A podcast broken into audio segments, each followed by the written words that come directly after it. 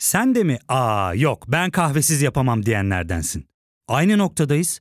İlk ve tek kahve üyelik uygulaması Frink'le tanış. Hem bütçeni koru hem de hiç bitmeyen kahvenin tadını çıkar. Yakınlarından terapinin onlara ne kadar iyi geldiğini dinlesen de kendin için bir şeylere başlamak zor geliyor olabilir. Ya da sevdiklerine yardım etmeye istekliyken kendi ihtiyaçlarını görebilmek.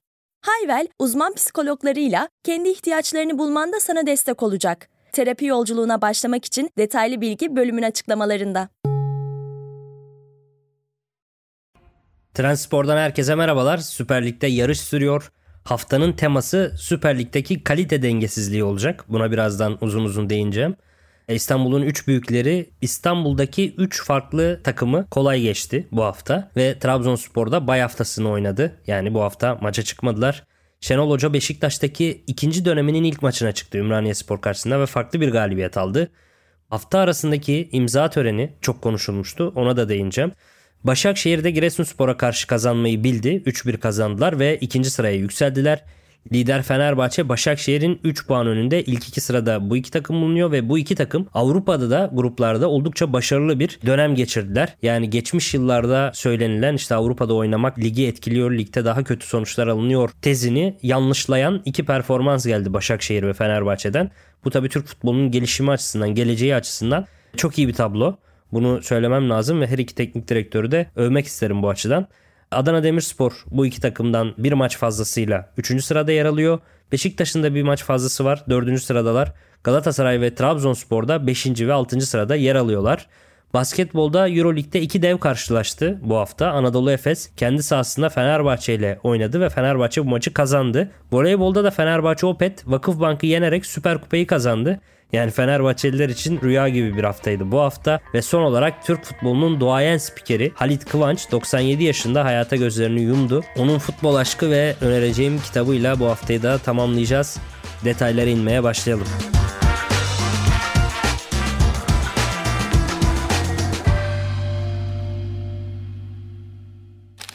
Şimdi kalitesizlik teması dedim. Bu hafta İstanbul'un 3 büyükleri başka 3 İstanbul takımıyla oynadı. Fatih Karagümrük, İstanbulspor ve Ümraniye-Spor. Üçü de çok kalitesiz kaldılar 3 büyüklere göre ve zorlayamadılar rakiplerini. İlk penaltılar ve Karagümrük maçında da Adnan'ın gördüğü ilk kırmızı kart çok amatördü ve maçlar erkenden açıldı bu sayede.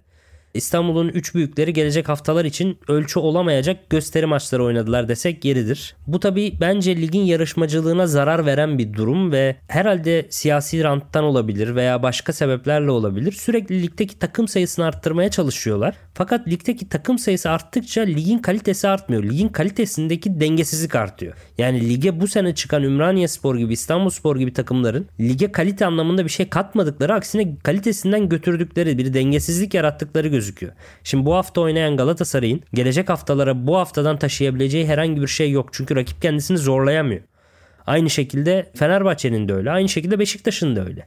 Ya bu Ümraniye Spor, İstanbul Spor hiç puan alamaz demek değil ama bu takımlarla üst sıradaki takımlar arasında makas açılıyor. Bu makasın açılması ligin kalitesini, ligin gelişimini olumsuz yönde etkiler. Yani bir ligde, bir ülkenin en üst düzey ligindeki takımlar arasında iyi ile kötü arasında mesafe farkı açık olursa iyi olanlar kötüye doğru evrilir. Kötü olanlar iyiye doğru evrilmez. Yani oynanan maçın kalitesi kötü olan yüzünden düştükçe iyi olan da aşağı doğru çekilir. O yüzden bu ligin takımlarını 19-20 takım yapmanın bir manası yok. Aksine böyle 14 takım, 12 takım falan olsa maçların rekabet seviyesi artar ve ligin futbolu da gelişir. Şuradan örnek vereyim. Galatasaray'ın UEFA Kupası'nı aldığı ve milli takımın da dünya üçüncüsü olduğu 2000-2002 yılların başlangıcında Anadolu takımları da çok kuvvetliydi. Gençler Birliği'nin, Ankara Gücü'nün, Gaziantep'in çok kuvvetli olduğunu biliyoruz. Hatta o dönem mesela hatırlayın Denizli Spor Avrupa Ligi'nde o dönemki adıyla UEFA Kupası'nda çok ilerlemişti. Mourinho'nun Porto'suna kaybetmişti. Sonra o Porto şampiyon olmuştu.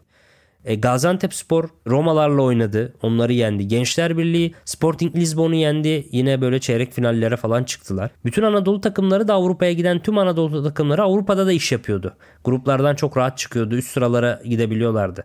Anadolu takımları Galatasaray gibi, Fenerbahçe, Beşiktaş gibi büyük takımların seviyesini de yükseltiyordu ve Galatasaray işte UEFA Kupası'nı almıştı. En nihayetinde milli takımda dünya üçüncüsü oldu. E siz şimdi Anadolu takımlarıyla üst seviye takımları zorlayamadığınızda bu üst seviye takımların oyunun gelişimi de biraz daha zorlaşıyor. Ama neyse ki bu sene Fenerbahçe ve Başakşehir'in hiç fena gitmediğini söyleyelim ama Avrupa Ligi yani eskiden tabii Şampiyonlar Ligi'ndeydi takımlarımız. Şimdi biraz bir kademe aşağıda kaldık. Tabii bu 10-15 yılda süren bir gerileme dönemiydi. Hemen bir yılda iki yılda yükselecek bir şey değil ama bence bu takım sayısının düşmesi, artması değil de düşmesi Türk futbolu için fayda sağlar. Ama tabii Türk futbolunun gelişimini düşünen yok. Böyle konularda genelde rant devreye giriyor. Diyelim klasik yakınmalarımızı bırakalım ve Fenerbahçe İstanbul Spor maçıyla maçlara değinmeye başlayalım. Zeiss ile Emre Mor ilk 11'deydi. Bu ikisi Ren'e karşı son iki golü atan isimler ve bu gollerin ödüllerini İstanbul Spor maçında ilk 11'de başlayarak almış oldular. Oyunu orta sahadan genişletme konusunda biraz daha iyi bir Fenerbahçe olduğunu düşünüyorum. Bunda tabii Zeiss'in tekniği de önemli. 10 tane uzun pas denemesi olmuş. 9'u isabetli mesela. Arao da ona eşlik etmiş. 7 uzun pas denemesinin 5'i isabetli eskiden Zalai üzerinden ve stoperler üzerinden oyunu genişletmeye çalışan bir Fenerbahçe görüyorduk ve genelde bu biraz pas hatalarıyla birlikte oluyordu. Yani çok verimli olmuyordu ama bu maçta orta sahanın merkezinden oyunu genişleten bir Fenerbahçe gördük ve daha verimli oldu. Hatta 15. dakikada çok iyi bir pozisyon var. Alioski'nin şutuyla biten bir pozisyon bu. Bu pozisyonda 17-18 pas yapıyor Fenerbahçe şutu atana kadar ve şuttan önce İrfancan sağ kanattan sol kanada doğru oyunu açıyor. Böyle 30-40 metrelik uzun bir top atıyor. Ardından Emre Mor'la Alioski arasında bir verkaç. Sonra İrfancan çok atmadığı koşulardan bir tanesini ceza sahasına atıyor ve İrfancan'a Alioski pası atıyor ceza sahasının çapraz köşesine. İrfancan topukla tekrar Alioski'ye çıkarıyor ve Alioski de şut imkanı buluyor. Bu pozisyon mesela çok iyi bir pozisyondu Fenerbahçe lehine ve hem uzun pas atan İrfan Can hem tekrar e, ceza sahasına e, topsuz koşuya atan İrfan Can da Fenerbahçe'nin son 5-6 haftasında geliştiğini söylememiz gereken bir oyuncu. Ben normalde İrfan Can'ı pek beğenmem. Çok yetenekli bir oyuncu tabii ki. O konuda hiçbir beis yok.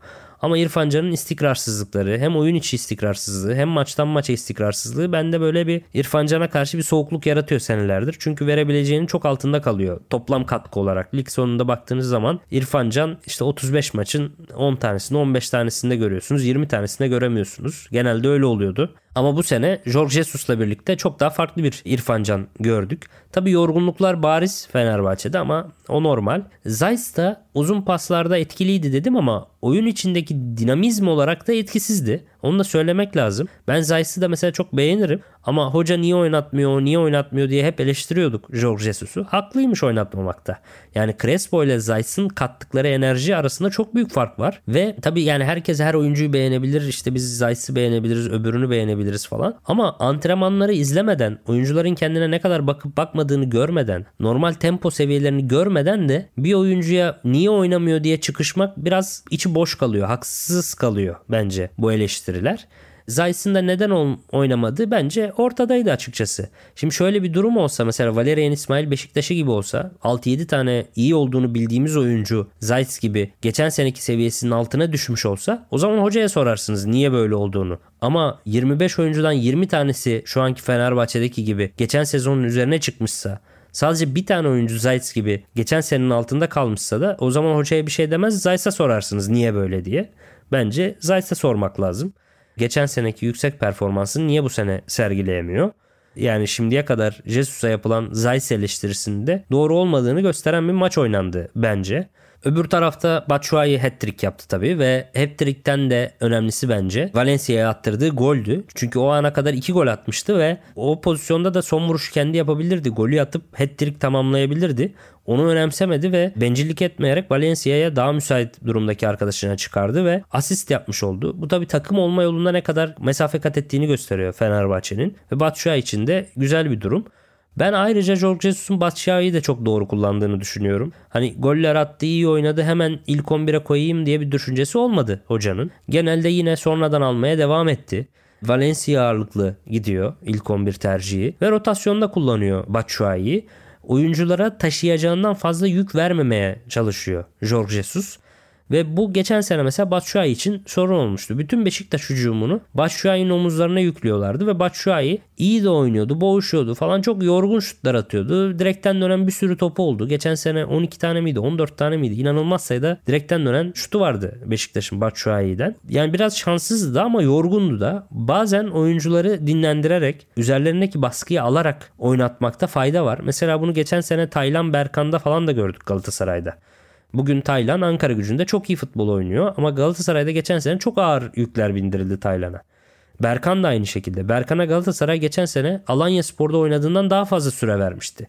Yani Berkan Alanya'da bile biraz daha fazla rotasyonda düşünülen oyuncuyken Galatasaray'ı üzerine yüklediler.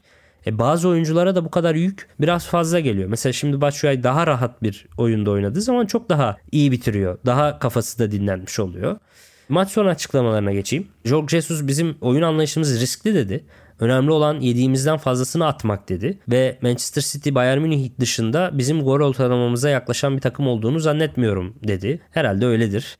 Rekora doğru gidiyorlar ve stoper rotasyonundaki eksiklikten de bahsetti. Çok büyük ihtimalle devre arasında ilk olarak stoper transfer edeceği zaten bariz. Zalai'nin de sakatlık riskiyle oynamaya devam ettiğini ama başka da elinde oyuncu olmadığından söz etti ve Zalai'yi de övdü yüksek fizik kalitesi için. Normal bir sporcu değil o çok üst düzey bir sporcu falan dedi. Güzel bir açıklamaydı bu. Ve son olarak ilginç bir açıklama. Bizim büyük hedefimiz lig. Şu anda birinci sıradayız ama tabii ki hiçbir şey garanti değil henüz. Biz lige nasıl başladığımızın değil, nasıl bitirdiğimizin önemli olduğunu düşünüyoruz. Avrupa Ligi'ni kazanamayacağımızı biliyoruz çünkü şu anda çok bizden çok daha fazla güçlü takımlar var. Bir gün eleneceğiz ama gidebildiğimiz kadar uzağa gitmek istiyoruz. Perşembe günü Polonya'da Dinamo Kiev'e karşı oynayacağımız maçtan 3 gün sonra yine bir lig maçımız olacak. O maç çok önemli bizim için.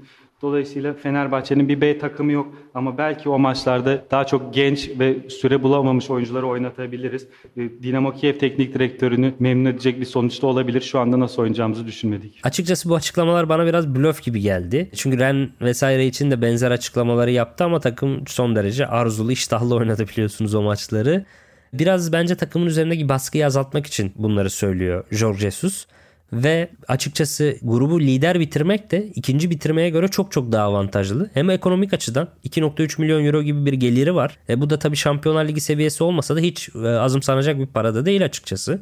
Öte yandan bir de grubu lider olarak tamamlayan takım direkt olarak tur atlayarak devam ediyor. Son 16'dan başlıyor. Yani bir tur önden başlıyor. Bir tur daha geçmiş oluyor yani ve hem iki maç az oynuyorsunuz. iki tane zorlu maç az oynuyorsunuz. Hem de yani iki tur birden atlamış gibi oluyorsunuz. O yüzden grup liderliği son derece önemli ve ben Fenerbahçe'nin Dinamo Kiev maçını hiç de Jesus'un söylediği gibi oynayacağını zannetmiyorum. Ama bunu biraz yaparak takımı rahatlatmak istiyor diye düşünüyorum. Geçelim Galatasaray'a. Galatasaray'da Emre Taşdemir ilk defa ilk 11 oynadı ve Galatasaray 11. lig maçında hala ilk 11'inde ilk kez yeni isimler gördüğümüz bir takım. Normalde benim futbolda en sevmediğim şey şu. Sürekli değişiklik görmek. Hatta Mourinho da biraz benim gibi olsa gerek. Premier Lig'de görev yaptığı dönemde ligin başladığı gün transfer sezonunun kapanması için savaş vermişti adeta.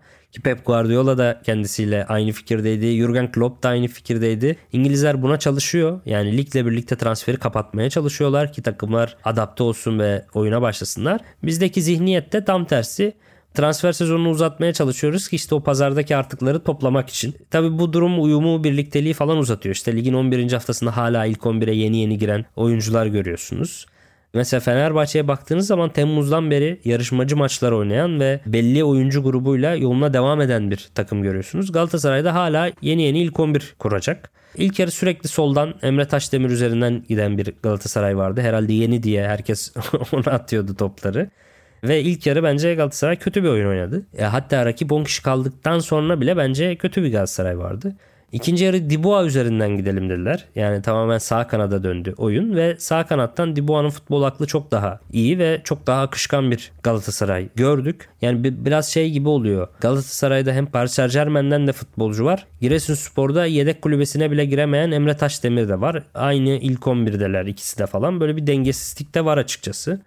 Emre Taşdemir de ilk yarı bence kötüydü ama ikinci yarıda golünü attı. İstekliydi ve o isteğin karşılığını alan bir goldü. Ceza sahasında bulunması arka direğe kesilen topta özveriyi gösteriyor tabii ve gol attı. Okan Buruk da onun antrenman performansından memnun olduğunu söyledi. Bugünün genelinde özellikle defans hattında 3 tane oyuncumuz değişti. E, bu bizim için maçtan önce tabii ki bir endişe oluştursa da çünkü 3 tane oyuncu aynı anda değişmesi. Özellikle Emre özelinde Bugün onu seçme nedenlerinden biri antrenman performansı. Antrenmanda hep çalışan, takım içerisinde yer almak için e, çaba sarf eden bir oyuncuydu. Biz de bunu görerek bugün Türk olarak Emre'yi saha içerisinde değerlendirdik.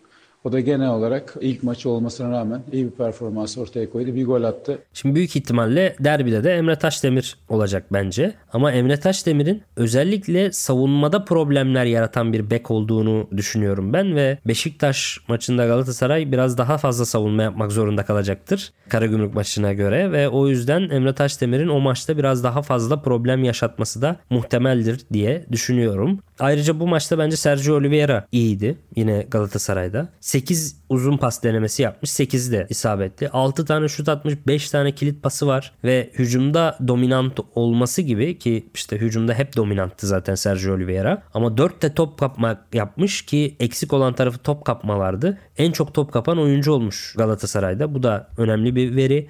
Aynı zamanda 96 kez de en çok topla buluşan oyuncu da Sergio Oliveira olmuş. Sergio Oliveira o Galatasaray'daki liderlik işine el koyma konusunda baskısını arttırıyor. Galatasaray ağırlığını koymaya devam ediyor. Bölüme devam edeceğiz ama şimdilik ufak bir ara veriyoruz. Ya fark ettin mi? Biz en çok kahveye para harcıyoruz.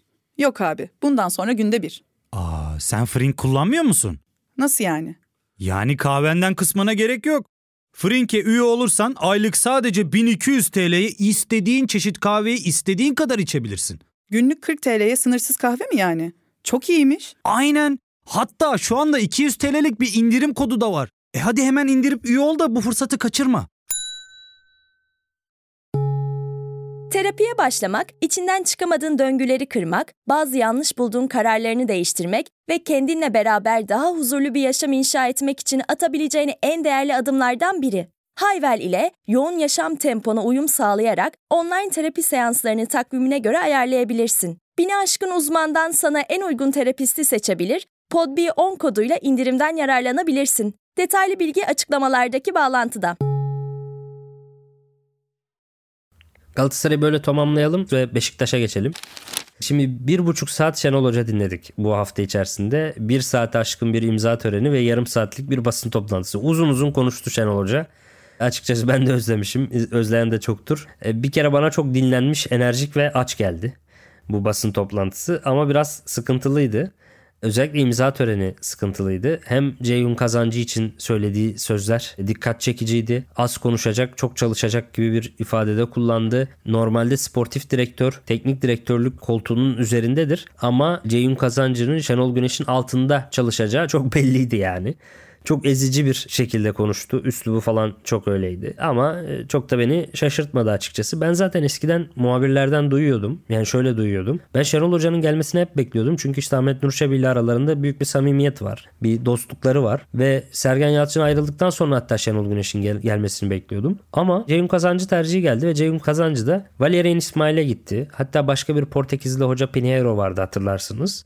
O dönemler şaşırmıştı insanlar Ahmet Nur Çebi'nin çünkü yakınlığını biliyorlar Şenol Hoca'yla. Ve bu soruşturulduğu zaman Ceyhun Kazancı'nın ne Sergen Yalçın gibi ne de Şenol Hoca gibi yerli hocalarla çalışmayı çok düşünmediğinden bahsediliyordu. Hep Hatta işte hani basın toplantısında da soruldu bu. Şenol Hoca ile çalışırsak ben yokum vesaire dediniz mi diye. Yani tam olarak bu cümleyi kurmuş olmasa da buna yakın cümleler kurmuş olabileceği de belliydi. Basın toplantısında da bunu böyle üstü kapalı bir şekilde yorumladı zaten. Geçiştirdi. Ama Şenol Hoca özellikle başkanı da bozdu yani bir yerde. Başkan parayı çok sever dedi mesela. Ona da Ahmet Nur Çebi çok bozuldu. Ondan sonradan bir yarım saat sonra falan tekrar düzeltti orayı falan böyle. Şenol Hoca şaka yaptım dedi. Garip bir basın toplantısıydı. Ama şimdi bir Ümraniye maçını konuşalım. Sonra tekrar maç sonu açıklamalarına da değiniriz. Beşiktaş 4-3-2-1 başladı maça. Farklı bir diziliş. Valerian İsmail'e göre. Bu çam ağacı dizilişi olarak da adlandırılıyor. İşte Rosier ve Masuaku'yla sağ bek ve sol bekiyle e, oyunu genişletmeye çalışan bir Beşiktaş olacaktı bu sayede. Ve işte sağ iç pozisyonda Salih, sol iç pozisyonda Jetson, 6 numarada Joseph ve çift 10 numarada serbest 2 10 numara, sol tarafında Delali, sağ tarafında Cenk Tosun, ileride de Weghorst. Bu 15-20 yıl önce çok meşhur bir sistemdi. 2005-2006 falan. O yıllarda işte Bundesliga'da şampiyon olan Werder Bremen kullanıyordu Thomas Schaaf'la birlikte. Ben çok severdim o takımı. Çünkü o takımda en sevdiğim santrfor Miroslav Klose vardı. Klose'nin arkasında böyle sağ 10 numara gibi Klasnic oynuyordu Hırvat hücumcu. Sol 10 numara gibi de Diego oynuyordu. Bu Fenerbahçe'ye de gelen Juventus'ta falan oynayan Brezilyalı Diego. Arkalarında sağ iç pozisyonunda Torsten Frings vardı. Almanya milli takımının da önemli oyuncularından bir tanesiydi Frings. Sol işte Tim Borowski vardı. Sonradan Bayern Münih'e gitti. 6 numarada da Bauman vardı. Böyle çok iyi bir takımdı onlar. Aynı zamanda o, o döneme damga vuran İtalyan devi Milan'da işte Ancelotti'nin Milan'ı da o kanatsız sistemi uyguluyordu. İşte bazen baklava dilimi 4-1-2-1-2 oluyorlardı. Bazen 4-3-1-2 oluyordu. Bazen 4-3-2-1 oluyordu. O değişiyordu ama işte orta üçlüde Gattuso Saic, Sedorf Solic, Pirlo savunma önü Regista dedikleri oyun kurucu. 10 numara Kaka, işte ikinci serbest 10 numara gibi Shevchenko veya önde Inzaghi veya Shevchenko Inzaghi ileride ikili arkalarında tek Kaka gibi değişiyordu. Bazen hatta Pirlo'yu 8'e çekip biraz daha öne çekip Ambrosini'yi daha net bir 6 numara olan Ambrosini'yi zorlu maçlarda 6 numaraya çekiyordu Ancelotti. Ama her iki takımda da hem o Milan'da hem de Werder Bremen'de çizgiyi boydan boya kullanan bek oyuncuları vardı. O Werder Bremen'de Patrick Ovomayala vardı. O da Alman milli takım oyuncusu oldu. Sol bekte Kamerunlu Vome vardı. Schulz vardı yedeği hatırladım. Sağ bekte yine Ovomayala'nın yedeği Fritz vardı. Ben o Werder Bremen'i çok izlediğim için hatırlıyorum yedeklerine kadar. Milan'da da Cafu'yla Serginho vardı. Yine boydan boya kullanan hem yetenekli hem teknik bek oyuncuları. Ve bence Valerian İsmail de geldiğinde üçlü savunma oynatmayı düşündüğünde işte 3-4 üçlü sistemde o orta dörtlünün sağ ve sol kenar oyuncuları, kanat bekleri işte o çizgiyi boydan boya kullanmalarını beklediğiniz beklerden bir tanesinde işte Rozier oynatıyordu. Rozier de takımın en önemli isimlerinden bir tanesi.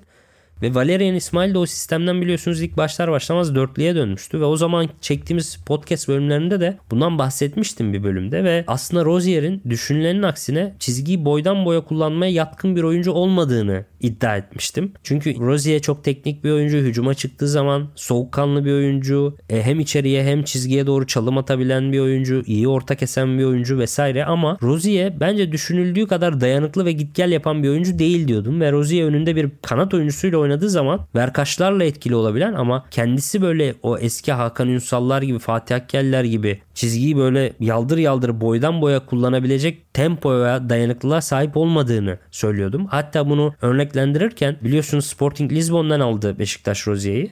Sporting Lisbon zaten 3-4-3 oynuyor. Yani zaten onlar tam o sistemi oynuyor. Ve Rozier Beşiktaş'la şampiyon olup form yakalamışken bu sistemi oynayan Sporting Lisbon formda Rozier'i almayı düşünmedi. 4-5 milyon euro onlar için çok büyük paralar değil. Ve 4-5 milyon euroya bıraktı Rozier'i. Zaten o sistemi oynayabileceğini düşünseydi bence Amorim'de Rozier'i tutabilirdi. Gerek işte sağ bek alternatif olarak veya oynatmak için kadroda tutabilirdi ama tutmayı hiç düşünmemişlerdi. Bence o çizgiyi boydan boya kullanmaya yatkın bir oyuncu değil Rozier ve Şenol Hoca da bu konuda biraz şaşırdığını, beklentilerin altında kaldığını söyledi Rozier'in performansı. Şimdi ilk yarı bence iyi değildi Beşiktaş. Bu 4-3-2-1'i pek iyi oynayamadılar. Delali yine etkisizdi ve sonradan 4-3-3'e geçildi. Sol kenara Cenk geçti. Sağ kenara da Redmond girdi Delali yerine ve iki bek de değişti. 3 değişiklik birden yaptılar. Tayfur ve Umut Meraş da Rozier ve Masuak yerine oyuna girdiler. Benim Valerian İsmail dönemi iki tane Beşiktaş önerim vardı biliyorsunuz geçtiğimiz haftalarda. Birinci A planım benim buydu. Bence Beşiktaş kadrosu en ideal bu 4-3-3 oynar. İşte sol kenarda Cenk veya Muleka gibi ikinci bir forvet tıpkı geçen senelerdeki Larin gibi veya daha evvelkindeki Cenk gibi sağ kanatta Gezal veya Redmond gibi oyun kuran bir sağ kenar oyuncusu ileride Santrfor'unuz Vegos zaten ve orta üçlüde en ideali Joseph 6 numara Salih oyun kurucu 8 numara Jetson da box to box mesafe kat eden koşan 8 numara olarak en ideali en dengelisi bence buydu ki bu sistem biliyorsunuz son 7 yılda 3 defa Beşiktaş şampiyon oldu. Bu 3 şampiyonluk da zaten bu sistemle geldi. Yani son 7 yıla damga vuran ve Beşiktaş'ın artık bir oturmuş diyebileceğimiz Beşiktaş'ın sistemi diyeceğiniz şampiyonluklar böyle geldi zaten. Hem Şenol Hoca'da hem Sergen Yalçın'la. Yani B planım da şeydi biliyorsunuz. Onu da geçtiğimiz haftalarda söylemiştim. Bu 4-3-3 olmuyorsa da 4-4-2 olabilir. Çünkü Joseph de düşüş yaşıyor. Jetson Salih merkez ikili olur. Redmond Enkudu veya işte Cez, Gezal Enkudu gibi iki kenar olabilir veya Redmond olabilir. En önde de Cenk Vegos veya Muleka Vegos gibi bir düşüncem vardı. Şenol Hoca basın toplantısında bunu da düşündüğünü söyledi. 4-4-2 gibi ve hatta 4-2-4 gibi yapmayı düşündüm dedi. Yani kanatları da forvet gibi yapmayı. Yani hoca ile A ve B planımız biraz uyuyor gibi. Bence Beşiktaş'ın ikinci yarı oyunu da çok çok daha iyiydi ilk yarı oyununa göre. Çünkü o bekler onu karşılamıyor. Kanatsız oyunu bu bekler bence karşılamıyor. Ve 4-3-3'ü çok daha iyi oynayan Beşiktaş genetiği olduğu, alıştığı golü de buldu.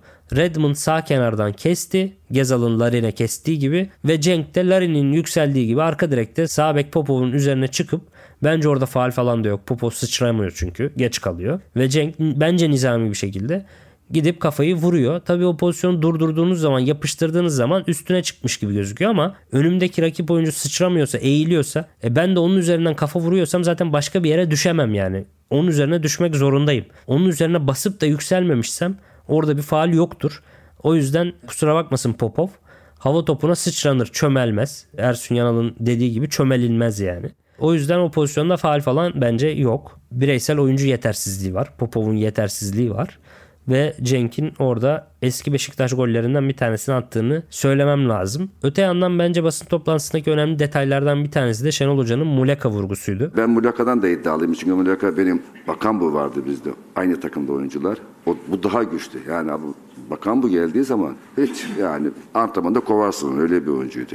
Ben bunun bana verdiği ilk işaret o ama yani bir idmandaki şeyi söylersem yarın niye olmadı demeyin ama arzum o. Bu Muleka vurgusu da güzel. Şeye benzetiyor. Bakan buya benzetiyor. Bence Bakan bu bizim ligimizde son 10-15 senedeki en underrated işlerden bir tanesi. Konuşulmuyor pek ama Cenk'i Beşiktaş'tan Everton'a 22 milyon euroya falan satmak kadar önemli iş. Bursa Spor'dan La Liga'ya Villarreal'e Bakan buyu milyon eurolara satmak. Sonra o Bakan bu 40 milyon euroya Çin'e transfer oldu. Çok da kariyerli bir oyuncu aslında Bakan bu.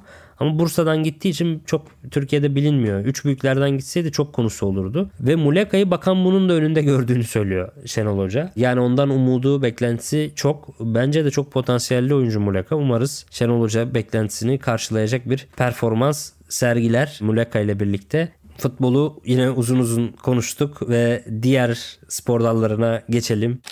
Avrupa basketbolunda iki dev karşı karşıya geldi ve o iki dev de Türk takımları Anadolu Efes ve Fenerbahçe Beko. 5. hafta maçlarının ardından Euroleague'de yoluna namalup devam eden de tek takım var. Bu takımda Fenerbahçe Beko, Itiudis yönetiminde Fenerbahçe koç takımına evrildi tam olarak. Anadolu Efes'i de deplasmanda yendiler.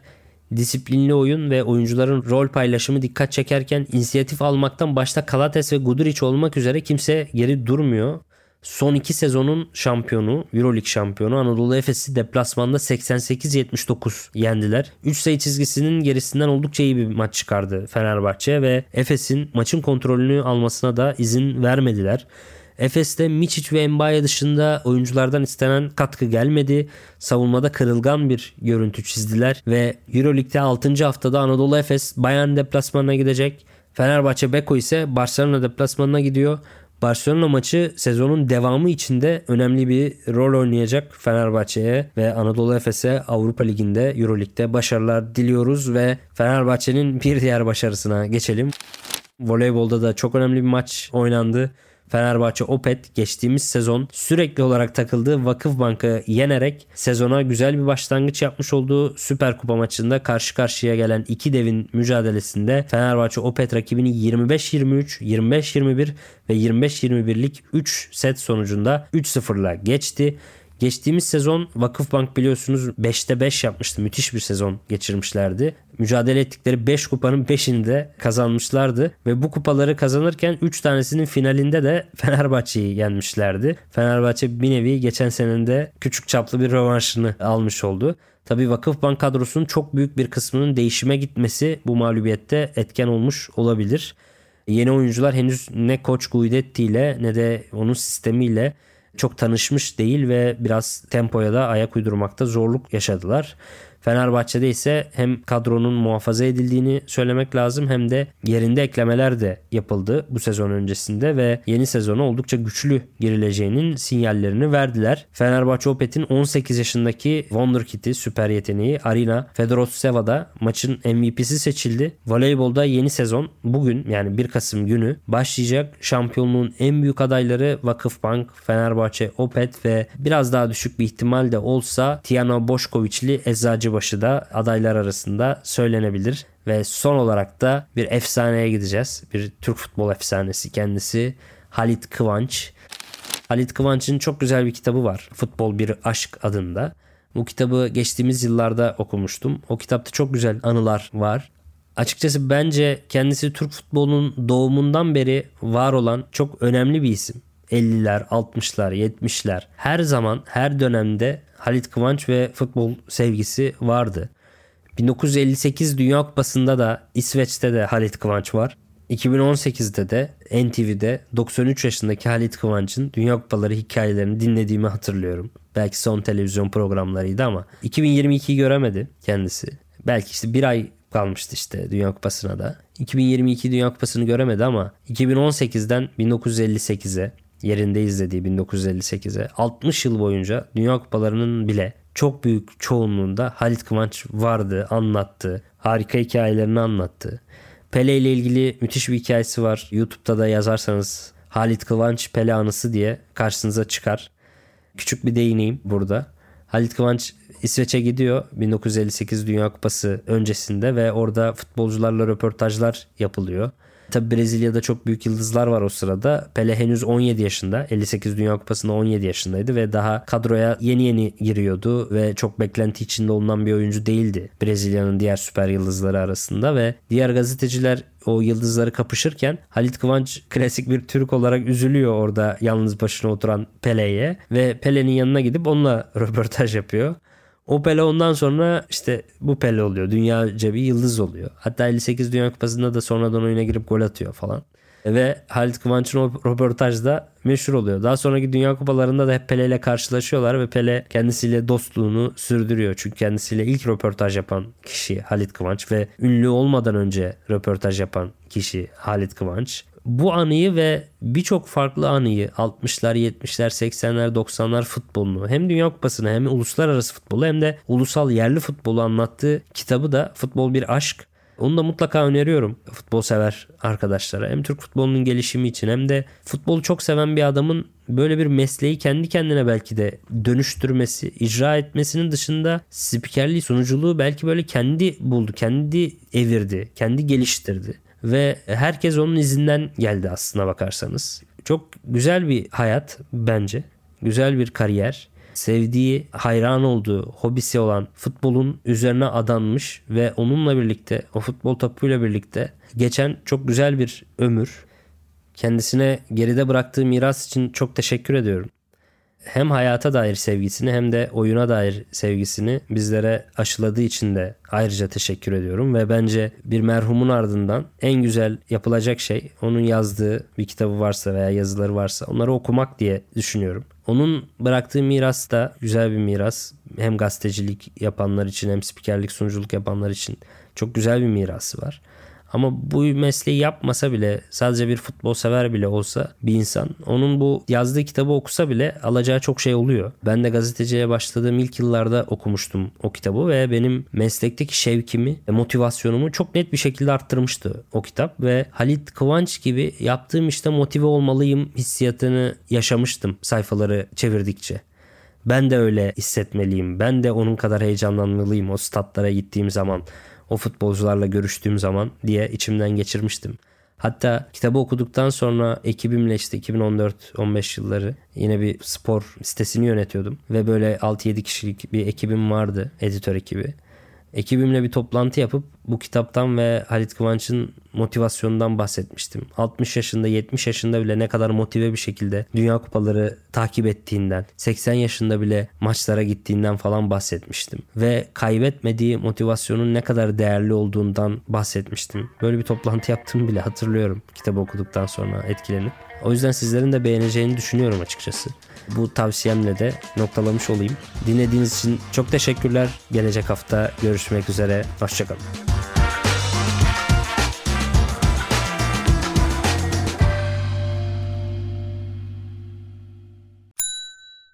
İlk ve tek kahve üyelik uygulaması Frink, 46 ildeki 500'den fazla noktada seni bekliyor. Açıklamadaki kodu girerek sana özel 200 TL'lik indirimden faydalanmayı unutma. Hadi sen de Frink üyeliğini başlat, kahven hiç bitmesin. Hem bugününe hem yarınına katacaklarıyla terapi yolculuğuna ve daha iyi hissetmeye bugün Hayvel ile başla. Açıklamadaki linkten Hayvel'i indir, ücretsiz tanışma görüşmelerinin ardından bütçene uygun seans paketini seç ve terapi yolculuğuna başla.